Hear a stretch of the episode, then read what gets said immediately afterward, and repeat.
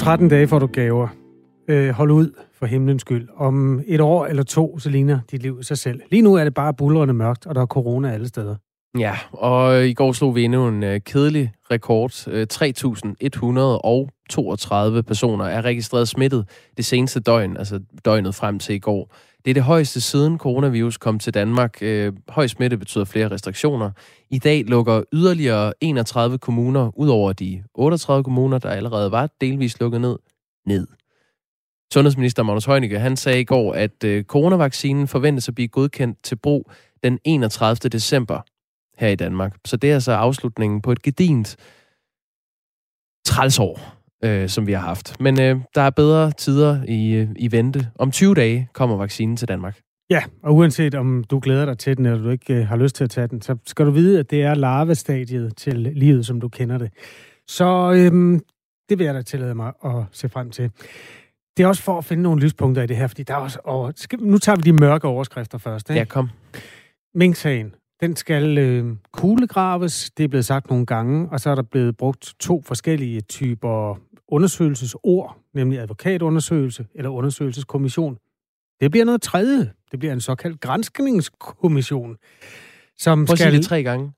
Grænskningskommission. Grænskningskommission. Grænskningskommission. Du kommer til at høre det tusind gange, det ord. Ja. Som skal øh, klarlægge, hvad det førte, eller hvad der førte til ordren, og hvad skete der derefter? Ordren om, at alle de her mink skulle afleves. Og mens det bliver undersøgt, så øh, siver de smeltede mink lige så langsomt ned igennem jordlagene. Ja, øh, en rapport, som øh, vi er i besiddelse af her på Radio 4, viser, at der er risiko for, at grundvandet ved minkgravene i øh, Midt- og Vestjylland allerede er forurenet her snart øh, fem uger efter, at minkene blev gravet ned. Det fortalte vi om i går, og det har fået flere lokale borgere til at udtrykke deres bekymring over, om vandet nu også er rent lige nu, om man med, med god ro i maven kan tænde for vandhanen og drikke det, der kommer ud. Øh, Vi skal tale med blandt andre borgmester for Socialdemokratiet i Holstebro Kommune, H.C. Østerby, og vi spørger, hvad han vil gøre for at berolige borgerne. Det er noget af det. Øh, De mere dystre overskrifter, vi har optegnet her, har du noget godt, Kasper, eller noget ja, positivt? Jeg, jeg har nogle gode ting, jeg glæder mig til i løbet af. Jeg skal fortælle dig historien om pistoler ude i rummet.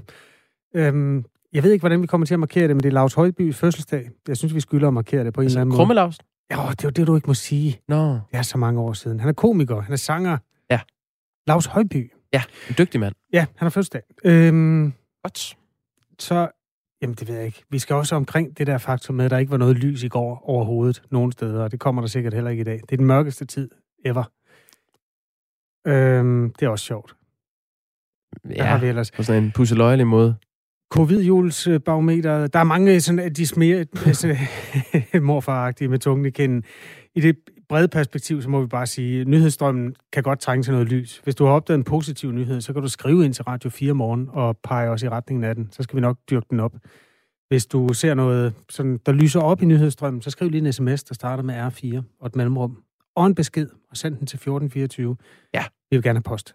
Gode nyheder tager vi øh, simpelthen imod med afsprittet kysshånd. Øh, jeg har også nyt om øh, Lars Lykke og Helle Thorning, vil jeg sige. Og så bakker Facebook op om Mette Frederiksen, der bruger Facebook. Så lidt godt er der da også. Klokken er øh, 9 minutter over 6, og det er altså Kasper Harbo og Jakob Grosen, der er på plads her i Radio 4 Morgenstudiet. Godmorgen. Morgen. Vi lægger ud med øh, historien om, at risikoen for, at grundvandet ved øh, minkmassegraven i Kølvro nær Karup i Midtjylland og minkmassegraven i Borgtrup ved Holstebro i Vestjylland kan blive, og måske allerede er blevet, forurenet med en række skadelige stoffer. Det kunne vi fortælle øh, her på kanalen i går, efter at have læst en rapport, som GEUS, altså de nationale geologiske undersøgelser for Danmark og Grønland, og Danmarks Tekniske Universitet har lavet for Miljøstyrelsen. Claus Køller er statsgeolog ved GEUS, og han har været med til at skrive rapporten. Han forklarede rapportens fund sådan her i Radio 4 morgen i går. Vi har lavet et notat sammen med DTU Miljø til Miljøstyrelsen, som, øh, som peger på, at øh, der kan være risiko for, at der er taget noget ud af de her minkgrave, som har nået det allerøverste grundvand. Vi talte også øh, med Flemming Hedegaard, som øh, bor i Nørrefælling ved Holstebro, øh, tæt ved de øh, kritiske minkmassegrave. Og han er bekymret. Øh, sådan her sagde han til programmet i går. Jamen, jeg er meget bekymret, fordi øh, vi ved jo alle sammen godt, at vi har sandjord herude, og vi lavede et forsøg for ministeren i mandags, hvor vi hældte øh, en spand vand ned i sådan en udgravning der, og det tager ikke ret lang tid, så er sådan en spand vand væk. Og det kan jo ikke være anderledes. Jeg har set de mængder, der er blevet tippet af i, i Nørfælling, og en stor part af dem er altså flydende, da de blev tippet af. Så, så det kan kun gå hurtigt med at synke ned i det jord herude. Også øh, Ulrik Vilbæk, som er venstreborgmester i Viborg Kommune, hvor øh, den anden massegrav, altså ved Kølvro nær Karup ligger, han, øh, han sagde sådan her i Radio 4 morgen i går. Jeg er ikke så overrasket. Det er jo derfor, jeg øh, hele vejen igennem har bedt om, at de der mænd skulle graves op igen. Den rapports øh, validitet gør jo så, at, at nu skal de så graves op. Altså, nu, nu, nu, altså, det skal jo hellere være i går end i morgen. Fordi lige præcis det, at grundvandet kan ødelægges, det, det, det går simpelthen ikke. Så, så der er ikke nogen som helst belæg for nu ikke at grave de her mink op igen. Godmorgen, Carsten Dahl Schmidt. Godmorgen. Landmand ved øh, Nørrefælling, altså nær Massegraven i Holstebro øh, Kommune. Du har din egen vandboring, det vil sige, at du forsyner dig selv og dine 400 køer med vand. Øh, med det, du her har hørt, vil du så stadig drikke vandet i din hane? Det er jeg lidt tvunget til. Uh, jeg kan jo ikke bare lige få uh, andre steder fra lige med det samme. Jeg bruger jo 30.000 kubikmeter vand om året, så, så det er jeg tvunget til lidt i nu i hvert fald. Men, uh, men hvad jeg lige skal gøre, det er det er tvivl om. Ja, nu har jeg, jeg lige... det i hvert fald. Ja, det er det, fordi nu, nu har jeg lige spillet uh, tre bekymrede stemmer, uh, før jeg åbnede for, uh, for din uh, telefon her. Uh, er du bekymret? Helt vildt bekymret. Det har jeg været for dag et af med det her. Det kunne kun gå galt. Det har jeg sagt hele tiden. Hvordan, hvorfor vurderede du, at det kunne gå galt i starten? Fordi at når man fra statens side vælger at lave stramme gødningskvoter på kvælstof og fosfor til landbruget, øh, fordi man er rej for, at det skal give grundvandsforurening. Når man så vælger at lave en forurening her med mink, som svarer til noget, der er tusind gange værre end det, vi bønder vi laver, så giver det med sig selv, at så kan det ikke give en voldsom forurening. Jeg kommer lige med lidt fakta her på, øh, på sagen, øh, Carsten Dahl Schmidt, altså landmand ved øh, nær øh, Massegraven i Holstebro Kommune. Øh, det er forskere fra GEUS og DTU, der har vurderet risikoen for forurening af grundvandet ved og under minkgravene. Og det er over en måned siden, at minkene blev gravet ned. Det skete den 7. november. Miljøstyrelsen bestilte rapporten den 23. november. Det er altså mere end to uger efter, at minkene blev gravet ned. Øh, forskerne har oplistet næsten 50 forskellige skadelige stoffer, der potentielt kan sive ned i grundvandet fra minkgravene. Det er blandt andet øh, ammonium, blu og coronavirus. Og en af konklusionerne fra rapporten lyder, nu citerer jeg, på baggrund af skønsmæssige beregninger vurderes det sandsynligt, at væske, der dannes i gravene, kan udvaske til grundvandet lige under gravene inden for relativt kort tid, dage til måneder. Hvad gør det ved mm. din øh, holdning til, hvorvidt du skal øh, trække vand op øh, af din egen vandboring og, og drikke det, og øh, give det til dine køer? Jamen, ja, jeg vil sige, at altså, som sagt kan jeg ikke bare gøre noget andet lige nu. Jeg er nødt til at, at vente og se, så må vi jo få lagt byvand ind, men altså, det kan du heller ikke bare lige gøre øh, med at til fingrene. Altså. Og lægge hvad ind, undskyld? Det, lægge byvand ind. Altså, jeg skal jo have mit vand et andet sted fra, hvis ikke jeg kan bruge min egen boring. Mm. Altså, jeg kan jo ikke købe flaskevand til alle mine køer. Øh, så, men altså, jeg er bekymret for det, jeg har været det hele tiden. Øh, det er ikke, jeg sige, i hvert fald med sikkerhed.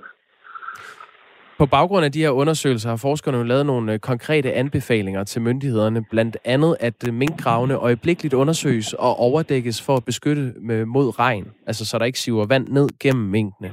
Øh, I rapporten står der altså, at hvis der kommer tag over gravene og udluftning, så vil forureningen blive øh, formindsket. Vil det give dig mere ro i maven i forhold til at drikke det her vand? Øh, en lille smule mere ro, ja. Det vil det nok. Men jeg synes også, det er vanvittigt, at jeg skal begynde at lave tag over noget, som så kan falde ned igen. Hvorfor er det ikke bare gravet op i en hulens fart i stedet for? Og så få det væk øh, inden de har sat tag op over alt det der. Det gør de heller ikke bare lige over den nat, jo altså. Så jeg synes godt nok, det er en vild løsning, at de kommer med, i stedet for bare at få lortet taget op. Carsten Dahl Schmidt, altså landmand ved øh, Nørrefælling nær Mink øh, Massegraven i Holstebro øh, Kommune. Tak fordi du var med her. Det var så lidt. Klokken er kvart over seks, og det er altså en historie, vi, vi følger hele morgen, ligesom vi gjorde i går. Det er jo en ret vild situation, det her. Der er sket det meget opløftende, at øh, der er mennesker, der stempler ind med positive nyheder fra Danmark i dag. Det kan vi godt bruge. En af dem har i virkeligheden relation til det, vi lidt hørte. Det er gode tider at være håndværker. Nu var det jo ikke ret længe, før der bliver ringet efter nogle håndværkere, der skal sætte øh, tag over alle de der minkgrave. Det er altså store områder. Og det er altså en branche, der i forvejen har noget af et opsving. Og en af dem, tror jeg, er Bjarke. Det er i hvert fald ham, der skriver fra Vestjylland. Han skriver, en god ting i tiden er, at der er nogle af de erhverv, der har kronet dage. Det har aldrig været bedre at være håndværker end nu. Det er en god dag at tage på arbejde, skriver Bjarke. Ja. Og det kan der være flere grunde til. Altså, der er nogle øh, feriepenge, der er kommet dumpende til en del lønmodtagere, og du kan simpelthen ikke komme ud og rejse for dem. Så måske er det nu, at øh, det nye tag, eller det nye, ja, whatever. Håndværkerfradraget er hævet. Det er sandt. Øh, Løstrup skriver, at det er lidt gallen humor, han har fundet frem. Ny kaffe smager død godt, fås kun omkring Viborg. Sådan der. Øh, godmorgen. Ja. Øh, Rune skriver, den er lidt kompliceret den her, nu spidser du øre. Mm. God nyhed. Dansk Proteininnovation fremlagde onsdag projektstatus, og det ser lovende ud i forhold til at kunne erstatte en stor mængde sojaskrå fra Sydamerika med dansk dyrket protein inden for en kort årrække. Der taler om protein fra græs og søstjerner, og noget så dansk som en kartoffel. Rune, du må godt lige øh, skrive lidt flere detaljer om, hvad, hvor det er, de her øh, biologiske materialer, hvad de egentlig bliver brugt til. Fordi øh, vi lover at dyrke den. Vi trænger i den grad til gode nyheder. Protein fra søstjerner. Jo, så har man hørt det med. The future is now. SMS'er starter med R4, et mellemrum og en besked, og så øh, send den til os til 1424. Skal vi lige lidt julehumør nu? Ja, det tror jeg på.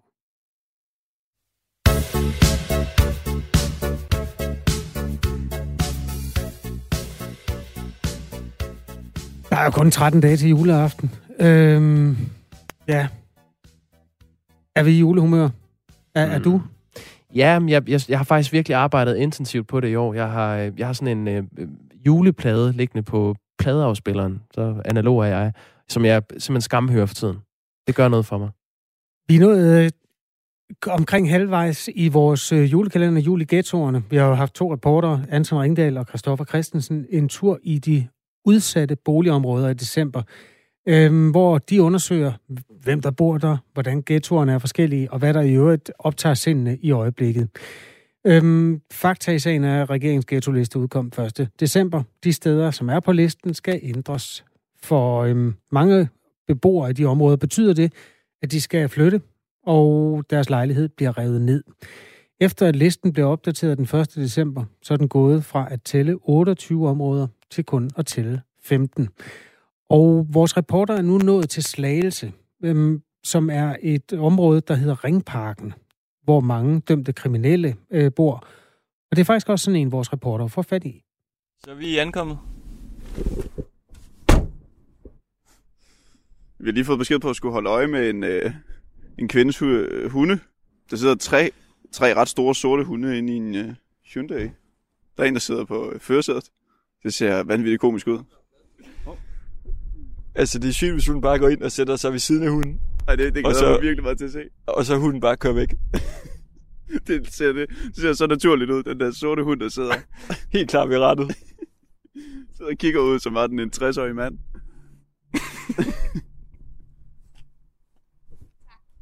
Må vi spørge dig om noget? Hvorfor skulle vi holde øje med din, øh, din hunde her? Øh, det er fordi, der er rigtig meget ballade herude. Normalt om aftenen og ved nattetid. Der er mange, en bande, der laver alt muligt. Jeg kender ikke så meget til det, men øh, ja, man skal være lidt forsigtig. Så du tænkte, der var nogen, der kunne stjæle din hund? Lave indbrud i min bil, ja. Hvad er det for noget ballade, I ser herude? Men øh, der har været øh, sidste år ved nytårstid, der var øh, rigtig mange, der fyrede øh, raketter efter politiet og brandvæsenet. Og generelt så er der en bande, der generer folk herude. Ved du, hvor de holder til hen? Nej, det ved jeg ikke. Aner det ikke. Okay. Jamen, øh, tak for det. Tak. Nu kommer der en scooter kørende. Hej så. Må, må vi spørge om noget? Vi kommer ind fra Radio 4. Vi kommer ind fra Radio 4. Ja, Hvad, hvad hedder du? Ali. Og bor du her i området? Ja. Nå, nu øh, kører den væk på sin sorte scooter. Og det er altså... Det er sgu benhårdt det her sted, det synes jeg. Ja. Det, det fornemmer jeg. Hvis jeg går øh, den ene vej, Så går du den anden vej. Så er det vel bare at, at håbe på det bedste. Hvor er du bare hen? Du kan følge med mig, og så kan vi snakke på vejen. Ja, meget gerne. Hvad hedder du? Det vil jeg ikke udtale mig om. Okay. Hvad laver du til daglig? Jeg studerer. Jeg er øh, socialrådgiver. Øh, For eksempel nu er jeg født og opvokset her, og jeg har set, der er en stor... Der er en stor svigt af børn og unge. Først og fremmest så har de forældre, som er indvandrere, og de kan ikke dansk jo. Undskyld. Jeg kommer ind fra Radio 4. må, må jeg spørge noget? Øh, undskyld, jeg ikke taler dansk. Lidt. Jeg husker selv fra min egen barndom, hvor jeg kom hjem fra skole og skulle lave lektier. Jeg havde ikke nogen, der kunne hjælpe mig med lektierne. Min mor kunne ikke dansk, jeg har skilmisse barn. Hej. Må, må jeg spørge dig om noget? Jeg forstår ikke dansk. Du forstår ikke dansk. God, øh, god aften. Øh, fædrene kan heller ikke dansk primært. Øh, så det er svært at vokse op, du ved, med forældre, som ikke kan dansk, og du ikke har nogen ældre søskende, som kan hjælpe dig med at lave dine lektier. Hej. Må, må jeg spørge dig om noget? Det kan jeg forstå. Du forstår ikke dansk? Nej. Nå. God, god aften. Og hvis du ikke kan lave noget, så smider du det fra dig, og så går du ud og ender på gaden. Og når du så keder dig, så kombinerer de to ting. Så ender det med, at du laver ballade, og så er der risiko for, at du bliver en stor ballade med, eller en stor kriminel senere hen. Hvad er det for noget øh, ballade eller noget kriminalitet, du nævner der? Ballade, stjælcykler, smadreråder, ispåsættelser af container biler, stjæl fra supermarkeder. Sådan nogle små, sådan nogle ting. Må jeg spørge, om du selv har gjort nogle af de der ting? Det har jeg. Jeg har været en meget stor råd engang, lad mig sige det sådan.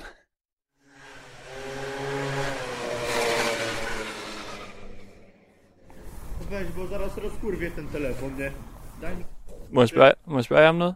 Så? Jeg kommer ind fra Radio 4. Co ty tu masz? He? Hvad siger du? Bo ci kurwa zaraz wyjebię w łeb. Der tog han altså panden 2 cm fra min pande. Jeg håber ikke, at han har corona. Det liv, jeg levede før, det var ikke sundt for hverken mig eller dem omkring mig. Og jeg gør, som, som, som konsekvens af det, har jeg været for eksempel i fængsel og fået en hel masse bøder og, og, og så videre i retten og så videre. Hvad er du dømt for? Øh, jeg er dømt for lidt at være. Roverier og grov vold. Is- Ja, våbenloven og så videre. Narkotik. Nej, ikke narkoloven. Bare øh, en- en del ting, når man siger sådan. En del ting. Er det noget, du fortryder? Det gør jeg. Fordi øh, jeg stjal, men det er selve virksomheden, som jeg røvede. Det ændrer ikke på, at der stod en teenage pige bag kassen, som græd derudad, da jeg stod og krævede pengene fra hende. Og sådan noget der, det gjorde indtryk på mig. At jeg ikke vil udsætte andre mennesker for sådan en forfærdelig forhandling. Hvad gjorde du? Jeg røvede stadig. Jeg troede med en kniv eller pistol til at komme med pengene. Og så græd hun, mens hun gav mig pengene. Altså, jeg var på samme alder som hende. Jeg var ikke mere end hvad, 15, 16, 17 år gammel. Så tænkte, jeg, hun er på min alder, du kunne være samme årgang. Så da jeg så kom hjem, ja, for det tidspunkt tænkte jeg ikke så meget over det. Jeg røg også i fængsel og sådan noget, der kom ud. Der var jeg stadig ligeglad, fordi jeg vidste ikke, hvad jeg ville med livet.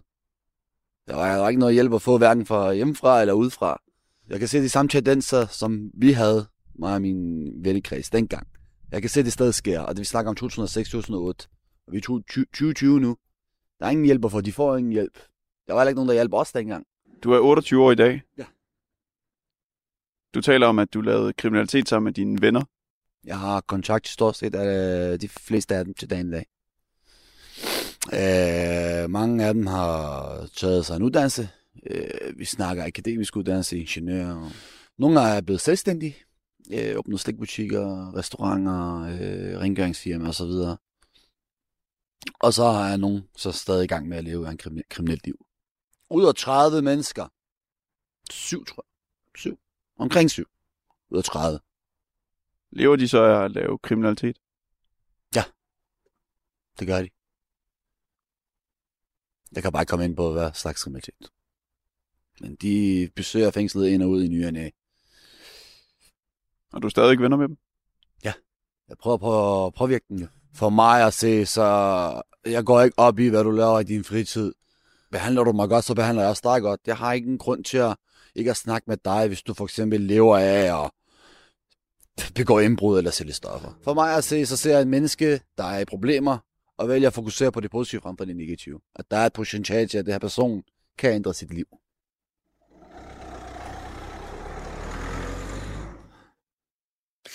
Ja, på mandag er Anton Ringdal og Christoffer Christensen også i Ringparken. De skal blandt andet besøge et øh, klubhus, hvor ja, det går ikke helt, som det skal. Er det rigtigt, at det, der foregår herude, også er kriminalitet og vold? Hvor længe siden er det, du har læst medierne? I går. Hvad var den seneste artikel, du læste om Ringparken? Jeg tror, den er fra 2019. Og den handlede om fyrværkeri. Det passer ikke. Det passer ikke. Er der nogen af jer, der lige gider åbne, hvad hedder det? Lige se, hvad der er, der står om Ringparken, når du søger på Ringparken. Frem med telefonerne, Shabba.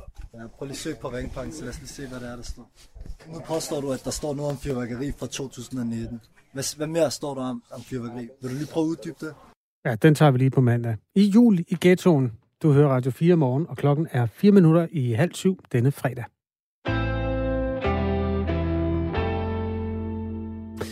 Statsminister Mette Frederiksen har fået kritik for at øh, bruge de sociale medier til at kommunikere, øh, hvad kan man sige, ufiltreret til danskerne, øh, uden at få stillet nogle modspørgsmål, og øh, også at kommunikere sådan relativt øh, vigtig information. For eksempel, at der dagen efter i søndags ville komme nye restriktioner i Danmark. Nu øh, melder en... Øh, jeg ved ikke, om jeg vil sige, der er opbakning fra uventet kant. Der er måske op- mere opbakning fra ventet kant. Øh, Facebook bakker op om Mette Frederiksens brug af Facebook. Ja, det ville da være dumt andet. Ja, øh, det giver god mening, at Mette Frederiksen bruger sociale medier til at kommunikere ufiltreret til danskerne. Sådan lyder det fra øh, Facebook, som altså afviser den kritik, der har været særligt fra øh, journalister, og særligt måske på Twitter.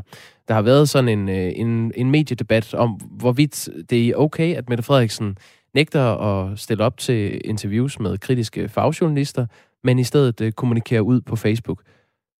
Så det vi har her, det er en privat aktør på markedet for sociale medier, der sådan set har nogle solohistorier fra et lands øh, statsoverhoved, eller ikke statsoverhoved, men i hvert fald politiske leder. Og som synes, det giver god mening. Ja, det kan jeg da godt forstå. ja, altså hun svarede selv på, på pressemødet, da hun blev stillet det spørgsmål af det, der hedder Fagbladet Journalisten, som er journalisternes øh, fagblad, altså om, øh, hvorvidt det var i orden, at hun undgår at stille op til interviews med journalister, men alligevel kommunikerer på Facebook. Der sagde hun, øh, at hun mener bestemt ikke, at det er et enten eller, men det, hun ser det snarere som et både og.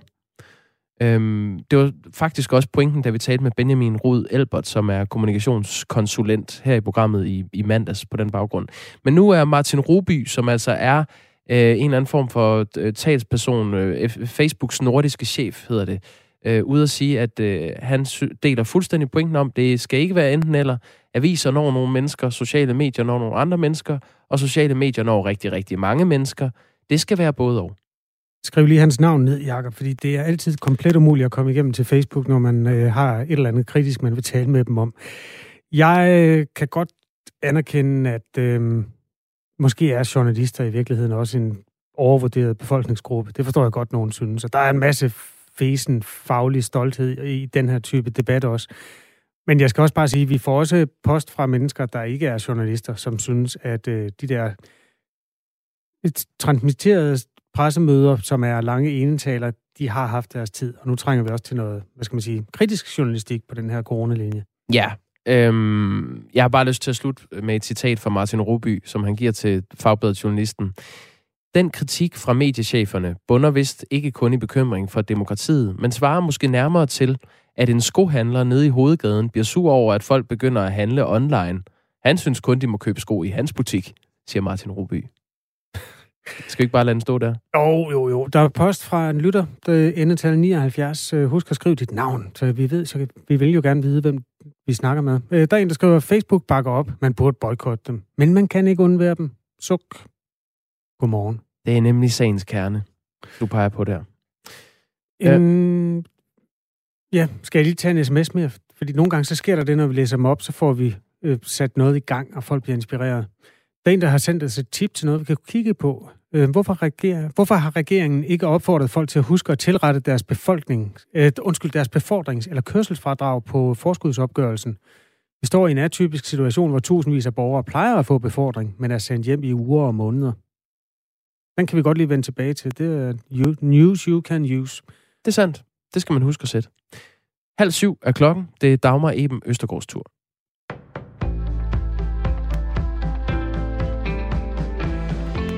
Statsminister Mette Frederiksen og forhenværende departementschef i Fødevareministeriet Henrik Stusgaard bliver nu ifølge eksperter viklet dybere ind i minkskandalen, skriver TV2 mens departementschefen og flere andre i regeringens embedsværk vidste, at der var problemer med loven i forhold til at kræve alle mink aflivet, ringede statsministeren direkte til formanden for landets minkavlere og slog fast, at alle mink skal aflives. Det står formanden for Dansk Pelsdyravlerforening Tage Pedersen frem og fortæller til TV2.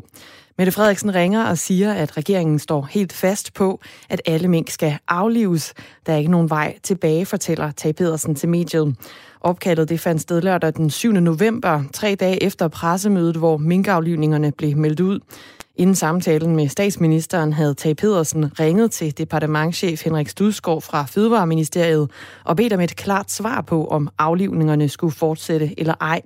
Ifølge Tage Pedersen var det den samtale, der så resulterede i, at Mette Frederiksen efterfølgende ringede ham op. På det tidspunkt havde departementschefen i flere dage vidst, at der var problemer med lovgrundlaget. Det viser regeringens egen redegørelse over forløbet. Statsminister Mette Frederiksen, statsministeriet og departementschef Henrik Studskov afviser over for TV2 at stille op til interview om sagen. Der bliver, det bliver der muligt for virksomheder at søge om hjælp til at få dækket faste udgifter, hvis omsætningen er dykket med mindst 30 procent. Det har et flertal i Folketinget aftalt, oplyser Erhvervsministeriet. Aftalen, der er en genåbning af en kompensationsordning fra foråret, er indgået af regeringen, Venstre, de konservative, radikale, SF, Enhedslisten og Alternativet. Virksomheder i hele landet kan søge hjælpepakken, og der er altså ikke forbehold for de 69 kommuner, som i øjeblikket er underlagt ekstra restriktioner for inddæmme coronaviruset. Men der er dog forskel på, hvornår de kan søge støtte fra. De 38 kommuner, der blev ramt af ekstra restriktioner den 9. december, kan søge fra den dato, og resten af landet kan så søge fra den 11. december, altså i dag. I Dansk Erhverv der er man glad for, at der er kommet en bred politisk aftale, det siger Brian Mikkelsen, der er administrerende direktør. Et lille som suk kommer fra rigtig mange virksomheder, som har været bekymret for, om, om de vil få del i hjælpepakkerne, så de kan overleve og sikre arbejdspladserne. Så det er, det er en god start. Aftalen er landet efter, at regeringen i går indgik en aftale med arbejdsmarkedets parter om at genindføre en justeret udgave af ordningen med lønkompensation. Coronapandemien har ført til, at verdens samlede CO2-udslip i 2020 er faldet med 7 procent. Det viser nye beregninger fra forskningssamarbejdet Global Carbon Project ifølge AP. Det globale CO2-udslip fra fossil energi forventes i år at være omkring 34 milliarder ton, og det er et anslået fald på 2,4 milliarder ton sammenlignet med sidste år, skriver AP. Ifølge forskere så skyldes faldet hovedsageligt, at folk har holdt sig hjemme og rejst mindre med bil og fly, og det forventes derfor også, at udslippet det vil stige igen, når pandemien er over. USA's næste præsident Joe Biden og hans vicepræsident Kamala Harris er udnævnt som Person of the Year af det amerikanske Time Magazine. Sammen står de to for genoprettelse og fornyelse, skriver magasinet på sin hjemmeside og nævner også den historisk høje valgdeltagelse. Time Magazine fremhæver samtidig, at Joe Biden tager covid-19-krisen meget, meget alvorligt. Traditionen her med at kåre årets person, den begyndte tilbage i 1927. Vi står op til en dag, der byder på skyde vejr, og så kommer der også lidt nedbør, som mest vil falde som regn eller slud. Temperaturerne de lander omkring 2 graders varme, og så bliver det med en lidt til frisk sydøstlig vind. Det var nyhederne her på Radio 4 med Dagmar Eben Østergaard.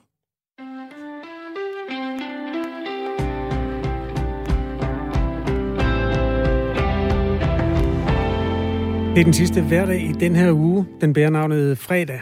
Og øh, mellem klokken 6 og 9 gør vi det i dag, som vi gør alle hverdage, at vi sender et aktualitets- og nyhedsprogram, der hedder Radio 4 Morgen. Hvis der sker noget vigtigt i løbet af morgenen, får du det at vide her, og vi har selvfølgelig også perspektiv på noget af det, der fylder i vores tid.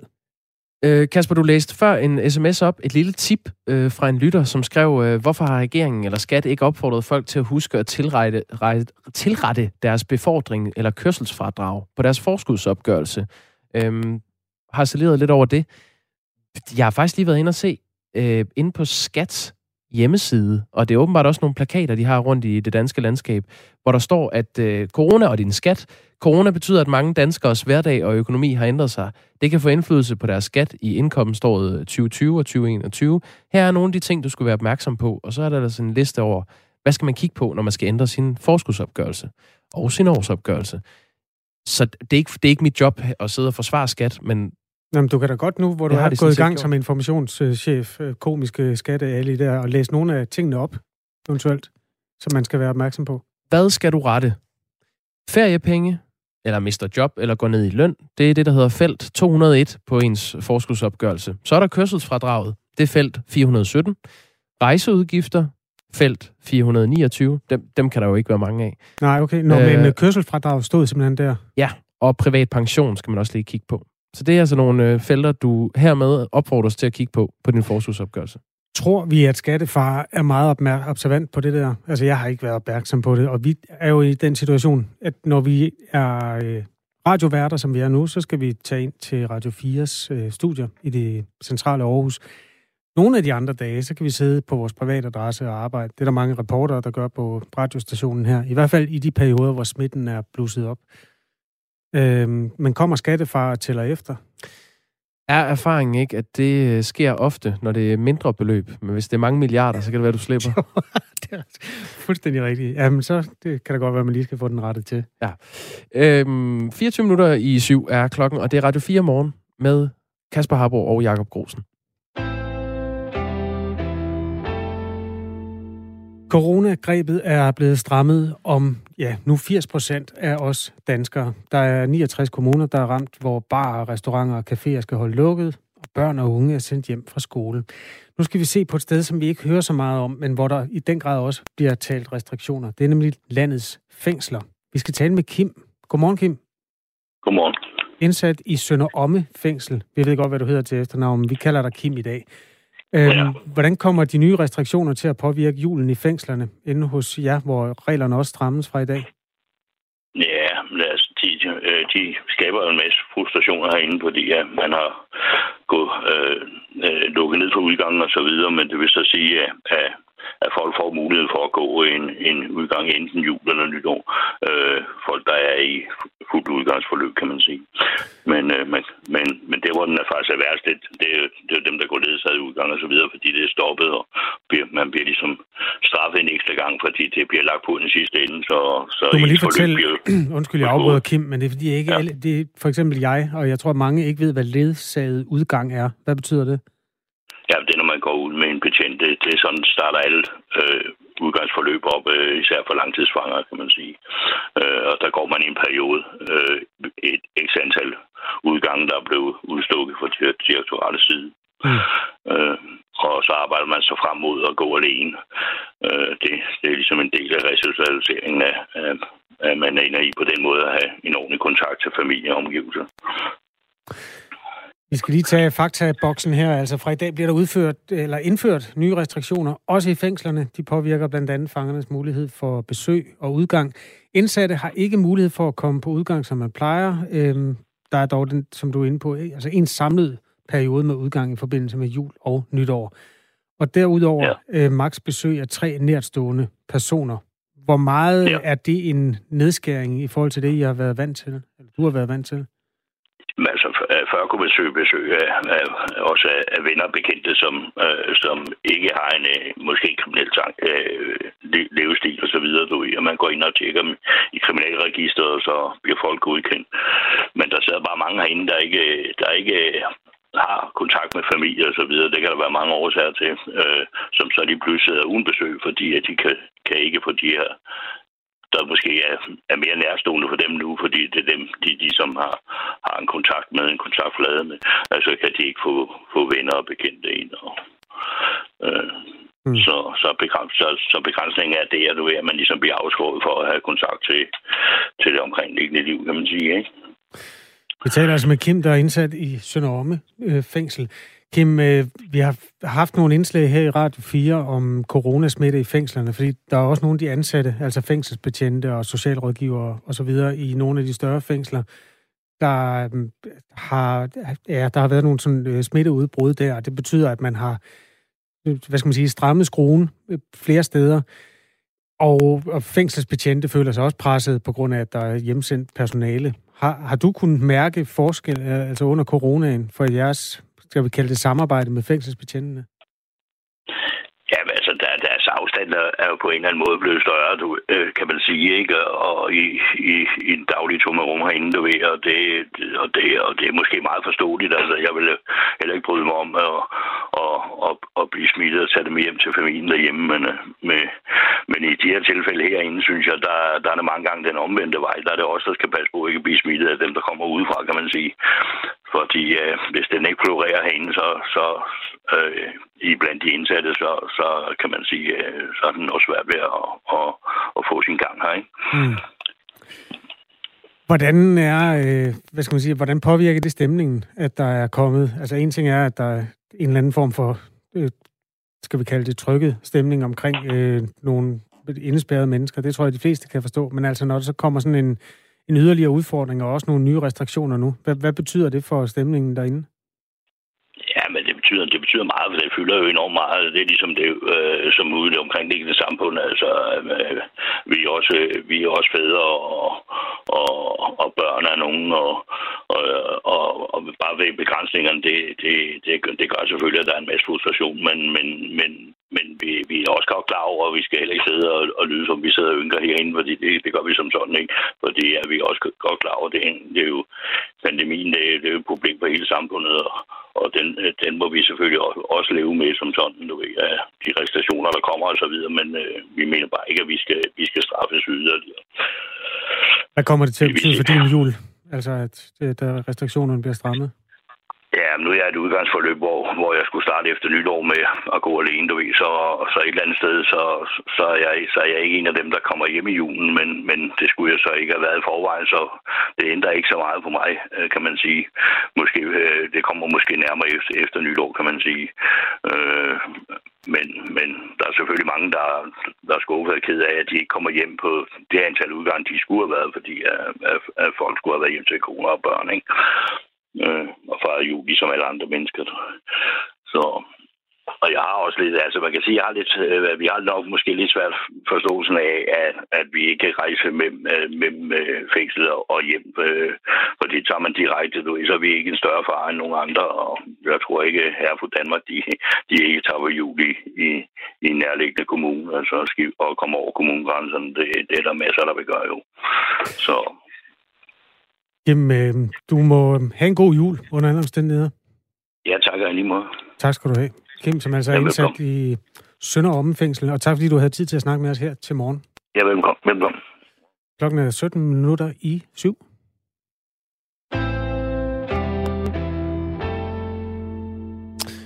Søren Brostrøm, han er nået til udlandet.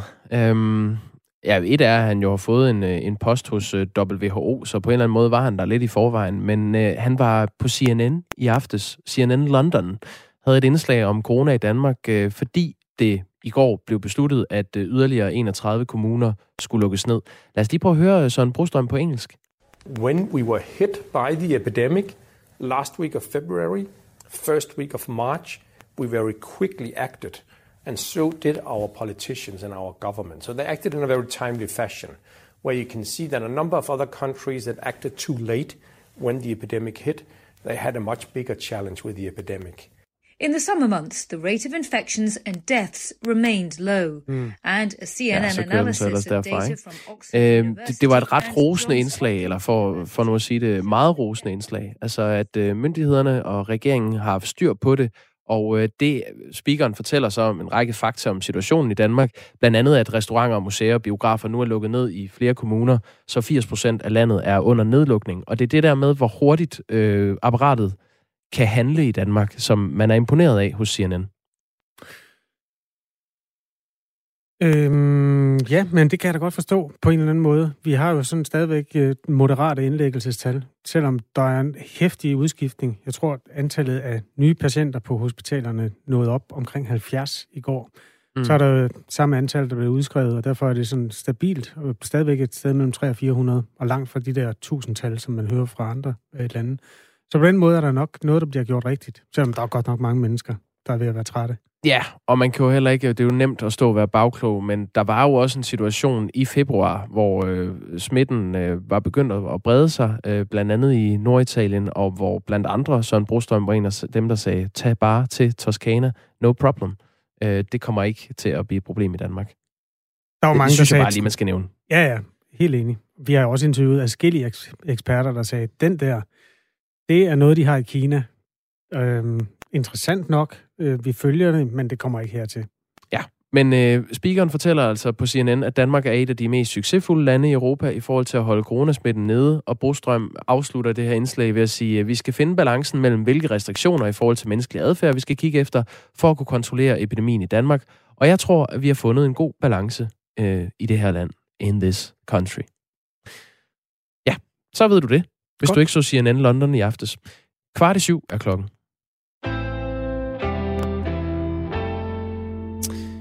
I går slog vi endnu en kedelig rekord, nu vi er ved coronaen. Øh, 3132, altså 3132 personer, er registreret smittet det seneste døgn, øh, altså døgnet frem til i går eftermiddag. Det er det højeste siden coronavirus kom til Danmark. Øh, høj smitte betyder flere restriktioner, og i dag lukker altså yderligere 31 kommuner ned, ud over de 38, som allerede er i delvis nedlukning. Den her nedlukning, den dækker du for os, øh, Katrine Volsing, vores reporter her på Radio 4, her til morgen. Godmorgen. Godmorgen. Du er taget til det, der hedder Fedt og Sund i Skanderborg. Er der øh, gang i træning? Eller det lyder sådan? der er totalt gang i træningen, selvom det er pismørkt udenfor, for at bruge et, øh, et lidt fyre måske. Og herinde, der bliver bare trampet løs til en sang, som får mig til sådan at stå og steppe lidt også. Øhm, de spinner og, øh, og kører altså derud af. Det er altså slutspurten, inden det hele lukker ned klokken 16 i dag. Og nu løber jeg lige, fordi jeg er i et fitnesscenter ned ad trapperne, for sådan selv at holde mig lidt i gang her om morgenen, og også udnytte, at jeg er kommet i fitnesscenter for sidste gang. Er der mange længe, i centret? Måske også første gang i noget tid, hvis man skal være helt ærlig. Jeg går lige igennem det her store rum, hvor der er træningsmaskiner, hvor der simpelthen også er folk, der er i gang med at øh, pumpe jern og, og, øh, og okse der ud af. Og så går jeg øh, herom, fordi jeg ved, at der er et hold i gang, nemlig Tabata med Tina, og jeg åbner lige døren ind til det nu. Og der er altså gang i gulvøvelserne herinde, hvor jeg ved, at Jørgen Mikkelsen, han træner, og han har altså lige taget en, øh, en vægt i venstre hånd, som han øh, bevæger fra venstre side over til højre side. Og Jørgen, altså hvorfor skulle du absolut komme ned og træne her til morgen? Fordi det er en kanon god start på, på en dag at komme her og træne. Uh, vi har nogle fantastiske instruktører, som er meget inspirerende, så, så det er et super godt hus at, at træne i. Jeg vil sige, Jørgen, mens uh, jeg snakker med ham, ligger simpelthen uh, på numsen med benene op og armene op og kører sådan væk fra den ene side til den anden side, og nu op på maven og ligger i planken. Fy for savden, jeg lægger mig lige ned ved siden af dig her, Jørgen. Altså, smitten er jo mega høj. Hvorfor bliver du ikke bare hjemme i dag? Nej, fordi jeg synes, at sikkerheden er utrolig god her. Vi, vi ligger jo, som du kan se her, med 3-4 meters afstand. Og vi har jo øh, værn på, når vi går ind og når vi går ud. Så det er kun, når vi er aktiv træning, at vi øh, lægger uden noget for ansigtet. Og ja, altså nu, nu ligger jeg mig lige her sammen med dig. Nu ligger jeg faktisk også i planken. Det synes jeg er enormt hårdt. Øhm, bliver du lige så god til at få trænet, når, øh, når centret øh, lukker klokken 4 i dag, og du ikke kan komme her? Hvad, hvad gør du så? Ja, så er det sådan, at uh, træningscenteret her, de har nogle virtuelle programmer, vi kan se derhjemme, øh, for eksempel på vores øh, fjernsyn eller iPhone, hvad vi har. Og øh, man kan også tage ud og træne ude i skoven, for eksempel, eller køre en tur på cykel. Der er masser af muligheder. Så du kommer altså til stadig at holde dig i gang. Tak, Jørgen Mikkelsen. Det var rigtig god træning til dig. Jeg øh, vil komme op på gulvet igen og hoppe ud på gangen og ud i det mere sådan øh, rolige miljø herude. Puha, det var hårdt. Så der bliver næsten ikke lavet noget, i hvert fald ikke i forhold til Jørgen. Hvad hedder det, Kim Mikkelsen? Du er jo øh, husleder her på centret. Altså, øh, hvor mange af jeres centre er, øh, er lukket ned på landsplan nu? Der er jo 40 i alt. Ja, altså lige godt og vel 40. Øh, for os så er det jo ikke fitnesscenter, så er det fitness- og sundhedshuse, fordi der typisk er både diætister, fys og personlige trænere og sådan noget. Men ja, lige, øh, lige underkanten af 40, og der, der er kun to, der stadigvæk er, er åbne i de stadigvæk åbne kommuner, hvor der er lidt, øh, lidt lavere befolkningsdensitet, kan man sige, og lidt mindre smittetryk. Kommer du til at tage derhen så? Nej, det kunne jeg ikke uh, finde på. Jeg overholder de restriktioner, der er i den kommune, jeg er i. Og i første omgang, så gælder de her restriktioner, som jo endnu gælder i alt i 69 kommuner, de gælder indtil 3. januar. Kan I godt overleve endnu en nedlukning? Ja, altså det kommer jo lidt an på, hvordan kompensationsordninger de bliver skruet sammen, og hvor hurtigt de bliver skruet sammen, og man kan sige også lidt om, omkring, hvor, hvor transparente de bliver, og, fordi at der var lige lidt med gennemsigtigheden i, i manøvrerne øh, sidste gang, så, så forhåbentlig så kommer det til at gå lidt mindre smertefrit den her gang, og, og så kommer det selvfølgelig også lidt an på, hvor, om, om vores medlemmer vælger solidarisk at, at støtte op, eller om de vælger at, at finde andre alternativer på, på træningsmuligheder. Altså nu nævnte Jørgen lige for mig, at, øh, at han kommer i hvert fald til at følge sådan noget online undervisning, som I har. Er det ligesom måden, som I løser det her problem med, at folk ikke kan komme ned fysisk længere og træne? Ja, altså vi er jo sat i verden, fordi vi gerne vil folkesundhed. Øhm, så derfor så har vi også tænkt, jamen, hvad kan vi gøre for at holde folk i gang?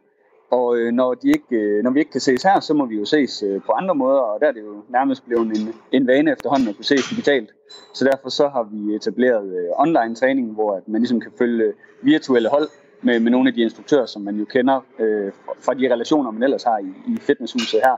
Og det gør man på, på kryds af hele kæden, så, så det er ikke kun her, man kan, man kan benytte det. Og det her er jo et fitnesshus, som jeg ved har haft et hold, der hed øh, Kåretræning med Kåre. Det synes jeg faktisk er ret sjovt. Ja, jamen, det er gevaldigt, øh, når man kan få lavet sådan nogle gode ordspil der. Ja, hvad hedder det? Øhm, jeg synes jo, der er ret mange hernede. Nu er der selvfølgelig lige en del, der allerede går ned og klæder op, hvilket jeg synes fuldstændig vanvittigt. Klokken er jo stadig ikke særlig mange, og det er helt mørkt udenfor. Altså, er det ekstraordinært mange mennesker, der er mødt op i dag, fordi de lige skal øh, løbe de sidste kalorier af sig, inden det hele lukker ned? Nej, altså vi har det sidste hold, der kører lige, øh, lige ved trætiden, og det bliver så årets øh, absolut sidste hold sammen med, med Trine, som er holdansvarlig heroppe. Lige sådan nu her, så, så er det faktisk ikke så atypisk, hvor mange der er. Øh, det er fredag morgen, folk de skal lige have, have trænet, inden de skal på arbejde. Så jeg synes ikke, folk de, de er her anderledes, end de plejer at gøre. Så der er altså øh, der er sådan nogenlunde øh, jævn tilslutning, altså det samme, som, som der plejer at være. Altså, jeg må indrømme, at øh, her til morgen, der kom min øh, gode kollega med croissanter. Og, øh, og det, den har jeg allerede spist. Det vil jeg bare gerne sige. Så, altså, Kim Nikkelborg, hvis jeg nu træder op på denne her, øh, det her løbebånd, ikke også? Og du lige sætter den i gang. Hvor længe skal jeg så altså, løbe øh, for at have forbrændt den her øh, croissant, som, øh, som måske allerede giver mig øh, dårlig samvittighed? Okay, nu kører vi. Ja. Ja, og du sætter den bare lidt op. Ja, ja okay. Godt op i farten. Ja, ja. Jeg er i gang. Ja, vi skal have lidt mere på, Kim. Altså, hvad, hvor længe, hvor længe løber jeg her for at forbrænde? Altså, øh, lige om lidt, så sætter jeg en hældning på op til en god 10 grader, ikke? Ja. Og så sætter vi farten lidt mere op end det øh, lidt uambitiøse niveau på 6,3 km i timen. Nej, ikke sige Vi sætter den op. Ja, det skal godt Ja, op. ja. Nu er vi deroppe af. Så hvis vi bliver ved her, og vi lige får hævet øh, stigningen lidt, Ja. ja så måske okay. en, øh, en god halv time, så er den croissant væk. Ved du hvad, det er bare lige en service info til alle andre, der har spist croissanter her til morgen, og også til jer, Kasper og Jakob, hvis I allerede har noget at spise jeres, så ved I, hvad der er jer i vente. Hold da ferie. Hvis man skal køre i det tempo der, for at forbrænde en croissant, så det ved jeg simpelthen ikke, om jeg kan holde til. Vores øh, Duracell-kanin her, øh, Katrine Volsing, øh, direkte fra Fitness i Skanderborg. Du, øh, du løber bare videre, Katrine. Vi stiller om til dig Det jeg. senere. Ja, vi ringer om en time. Det er godt. Ja, og det var altså øh, Kim Nikkelborg, øh, husleder Fedt og Sund i Skanderborg, øh, som Katrine Volsing øh, talt med. Og det er et af de steder, hvor nedlukningen rammer kl. 16. Ja, hun er totalt selvkørende, noterer en af vores lyttere. Altså, du har selv kaninen, øh, Volsing der. Og det er jo faktisk perfekt, hun er det, fordi hun slår ned tre steder. Hvad, hvad er det ellers, hun skal ud til? En skole? Hun øh, kommer også ud til det, der hedder øh, Morten Bøgerup skolen i øh, Skanderborg, og så tager hun også ud til. Der gik jeg til frimærkeklub, da jeg var dreng. You keep surprising me, my friend. Ja. Jamen, øhm, det, ja, det er godt. Men øh, det er en så har du noget Det insight. hører med til historien. Det er en folkeskole, og så er hun også med fra øh, den Aarhus forstad, der hedder Brabrand lidt senere. Og det er noget med noget test, øhm, testkøer. Det bliver vi klogere på lidt senere. For nu er klokken 6 minutter i syv. Det er fredag. Der er meget, man i hvert fald ikke kan fejre, men man kan godt håbe hurra for, at øh, ugen går på held. Hvis du trænger til at læse inspirerende historier, så kan jeg varmt anbefale det øh, sted, der hedder videnskab.dk, som er et sted, hvor der deles videnskabelige studier, og der deles øh, ud af, der er også brevkasser, hvor folk kan stille begavede spørgsmål. Og i dag har de bragt et øh, stykke faktum, som jeg synes, vi skal dykke lidt ned i, nemlig det, at du, hvis du står på månens overflade, Jakob, Mm. du har taget din pistol med, Ja. du fyrer den af. Det gør jeg altid. Og den så øh, tager øh, projektilet, altså hvis det har den rigtige bane, og kører, lad os sige, øh, du holder den vel halvanden meter over jorden eller sådan noget, ikke, pistolen, og øh, projektilet så følger den bane rundt om månen. Ja, fordi vil, der ikke... vil den gøre det? Øh, det vil den øh, typisk gøre, ja. Ja. Fordi der er jo, øh, altså hvis du laver den rigtige vinkel, så vil øh, månens tiltrækningskraft, altså tyngdekraften på månen, holde den i den rigtige bane. Mm. Og så kan du i princippet ende med at skyde dig selv lige i baghovedet. Fordi den tager turen rundt om månen. Der er nemlig ikke nogen luftmodstand på månen. Nå, forstået. Ja, okay, så hvis det er en helt lige bane, ja. så vil den ramme mig i nakken sidst, ja. som en boomerang. Ja, skydevåben er jo enormt farlige, og på månen er de så bare ekstra farlige, fordi man på den måde ikke engang... Altså, selvom du skyder fremad, risikerer du at ramme dig selv. Det er der noget, man kan bruge til noget. Det synes jeg er godt nyt. Det er et øh, brevkasse, der handler om skydevåben i, våben, øh, i, i rummet generelt. Fordi der er en lytter, der spørger, hvad, eller en, ikke en lytter, men en læser, der spørger, hvad, hvad, hvad, hvad sker der egentlig? Vil der ske det samme som på jorden? Ja. Og øh, både ja og nej. Altså det med luftmodstanden er jo det, den helt store forskel, at der ikke er nogen øh, atmosfærisk luft, og derfor er der ikke noget, der stopper kuglen. Så hvis du fyrer en kugle ud i rummet, så vil den i princippet forsvinde, altså fortsætte i evigheder. Det store problem er så det, der hedder rekyl. Har du brugt skydevåben? Har du en fortid i... Jeg har ikke en fortid i øh, et sted, hvor jeg burde øh, have brugt, men jeg har da prøvet at skyde til måls. Så du er bekendt med, at øh, du også får hvad skal man der sige, er et bag... tilbagetræk. Ja. Bagslag. Ja. ja, så hvis du hænger svævende frit i det lufttomme rum, og du skyder med et skydevåben, så vil kuglen forsvinde i den ene retning, og du vil forsvinde i den anden retning. Så skal der være rimelig hård rekyl. Nej, det er jo lige meget. Altså... Det er simpelthen nok bare lige at give mig et lille skub, så vil jeg langsomt forsvinde. Ja, der er jo ikke noget til at stanse dig, og der er ikke noget, du kan holde fast i. Du er lost. Ja, men jeg håber aldrig, jeg kommer i den situation. Nej, men det gør du, hvis du rejser med den russiske rumkapsel, der hedder Soyuz, øhm, som er til bliver brugt til at fragte astronauter op til øhm, den internationale rumstation ISS og tilbage igen. Fordi der ligger simpelthen en pistol i deres bagage. Nå, ja, det var faktisk et spørgsmål, jeg havde til dig nu. Øh, man må jo ikke have våben med i en øh, flyvemaskine. Nej. Det må man så godt, når man er astronaut. Og hvis du med en... russer. Hvis du er russisk astronaut, okay. Mm. Ja, jeg forstår. Øhm, næste logiske spørgsmål. Hvorfor? Udover at det er russisk, så er det, det er simpelthen en del af overlevelsesudstyret. Fordi det, der jo foregår, ikke så meget på vejen op, der møder du formentlig ikke nogen, hvor du hvor dit skydevåben er, er gavnligt. Men du kan godt risikere at på vejen ned, at øh, der lander de der rumkapsler tit i nogle øde ørkenområder. Man bruger blandt andet nogle områder i Kazakhstan til at, at lade de der øh, rumkapsler dale ned med faldskærm. Og nogle gange går der altså dage, hvor øh, astronauterne bare skal klare sig selv. Og det er de jo vant til. De kan jo leve otte uger på bunden af en sø, de der veltrænede mennesker. Men hvis der kommer et eller andet bjerggorilla, eller hvad det nu kan være, et vildt dyr, ja, præcis, så kan de forsvare sig selv med den pistol der. Så man tager simpelthen våben med i rummet for at være bevæbnet, når man lander i øh, ørkenen i Kazakhstan? Ja, og det siger jo alt om den her planet. Ikke? vi tager ud på, på, på himmelfart, og der, der er fred og ingen far. Lige snart vi kommer hjem, så skal man have gun. Jamen, øhm, der er både news you can use, og der er også bare noget... Altså, hvis man skulle stå i den situation, så skal man lige vare sig, hvis man skulle stå på månen og affyre en pistol. Ja. Godt. Tak for åbenbaringen. Velbekomme. Øhm, må jeg fortælle dig noget? Ja. Det kan gå øh, ganske kort. Jeg skal lige se, hvad, hvad kunne det være? Hvad kunne det være? Hvad har jeg lyst til at fortælle dig om? Mens du gør det, så kan jeg fortælle, at vi på den anden side af nyhederne skal se på den helt nye undersøgelsestype, der skal bruges til at klargøre, hvad der er gået galt i Minkgate. Og så skal vi i øvrigt, apropos mink, tale med endnu en øh, borgmester, der har grundvand, som højst sandsynligt bliver berørt af de her millioner af nedgravede minkkadaver. Der er et minut til nyhederne. Nu har jeg fundet ud af, hvad jeg har lyst til at fortælle dig om. Jeg har, øh, jeg har lidt forskelligt. Vi, det er jo sådan, når vi går i studiet, så noterer vi os forskellige ting, vi har lyst til at, at fortælle hinanden. Og nu, jeg har lyst til at blive lidt i videnskabens verden, nu hvor du har åbnet for den øh, jingle. Øhm, der er nyt i sagen i forhold til menneskeskabt masse over for klodens levende biomasse. Nu har den menneskeskabte masse overhalet den levende biomasse. Altså det vil sige, at øh, de dominerende kategorier af den her undersøgelse, det er forskning, der er publiceret i Nature, det er, at øh, menneskeskabt masse i form af bygninger og øh, øh beton, øh, mursten, asfalt, infrastruktur. Kaffekopper. For eksempel. Industriprodukter. Alt, alt ja. plastik har overhalet den globale biomasse på jorden, altså som er planter og buske og dyr. Det er på en eller anden måde lidt trist nyt. Derudover er altså alene andelen af menneskeskabt plastik er nu større end massen af alle land- og havdyr til sammen. Lad lige den stå. Det er just news you can't use in any way. Nu er der nyheder med Dagmar Eben Østergaard klokken er syv.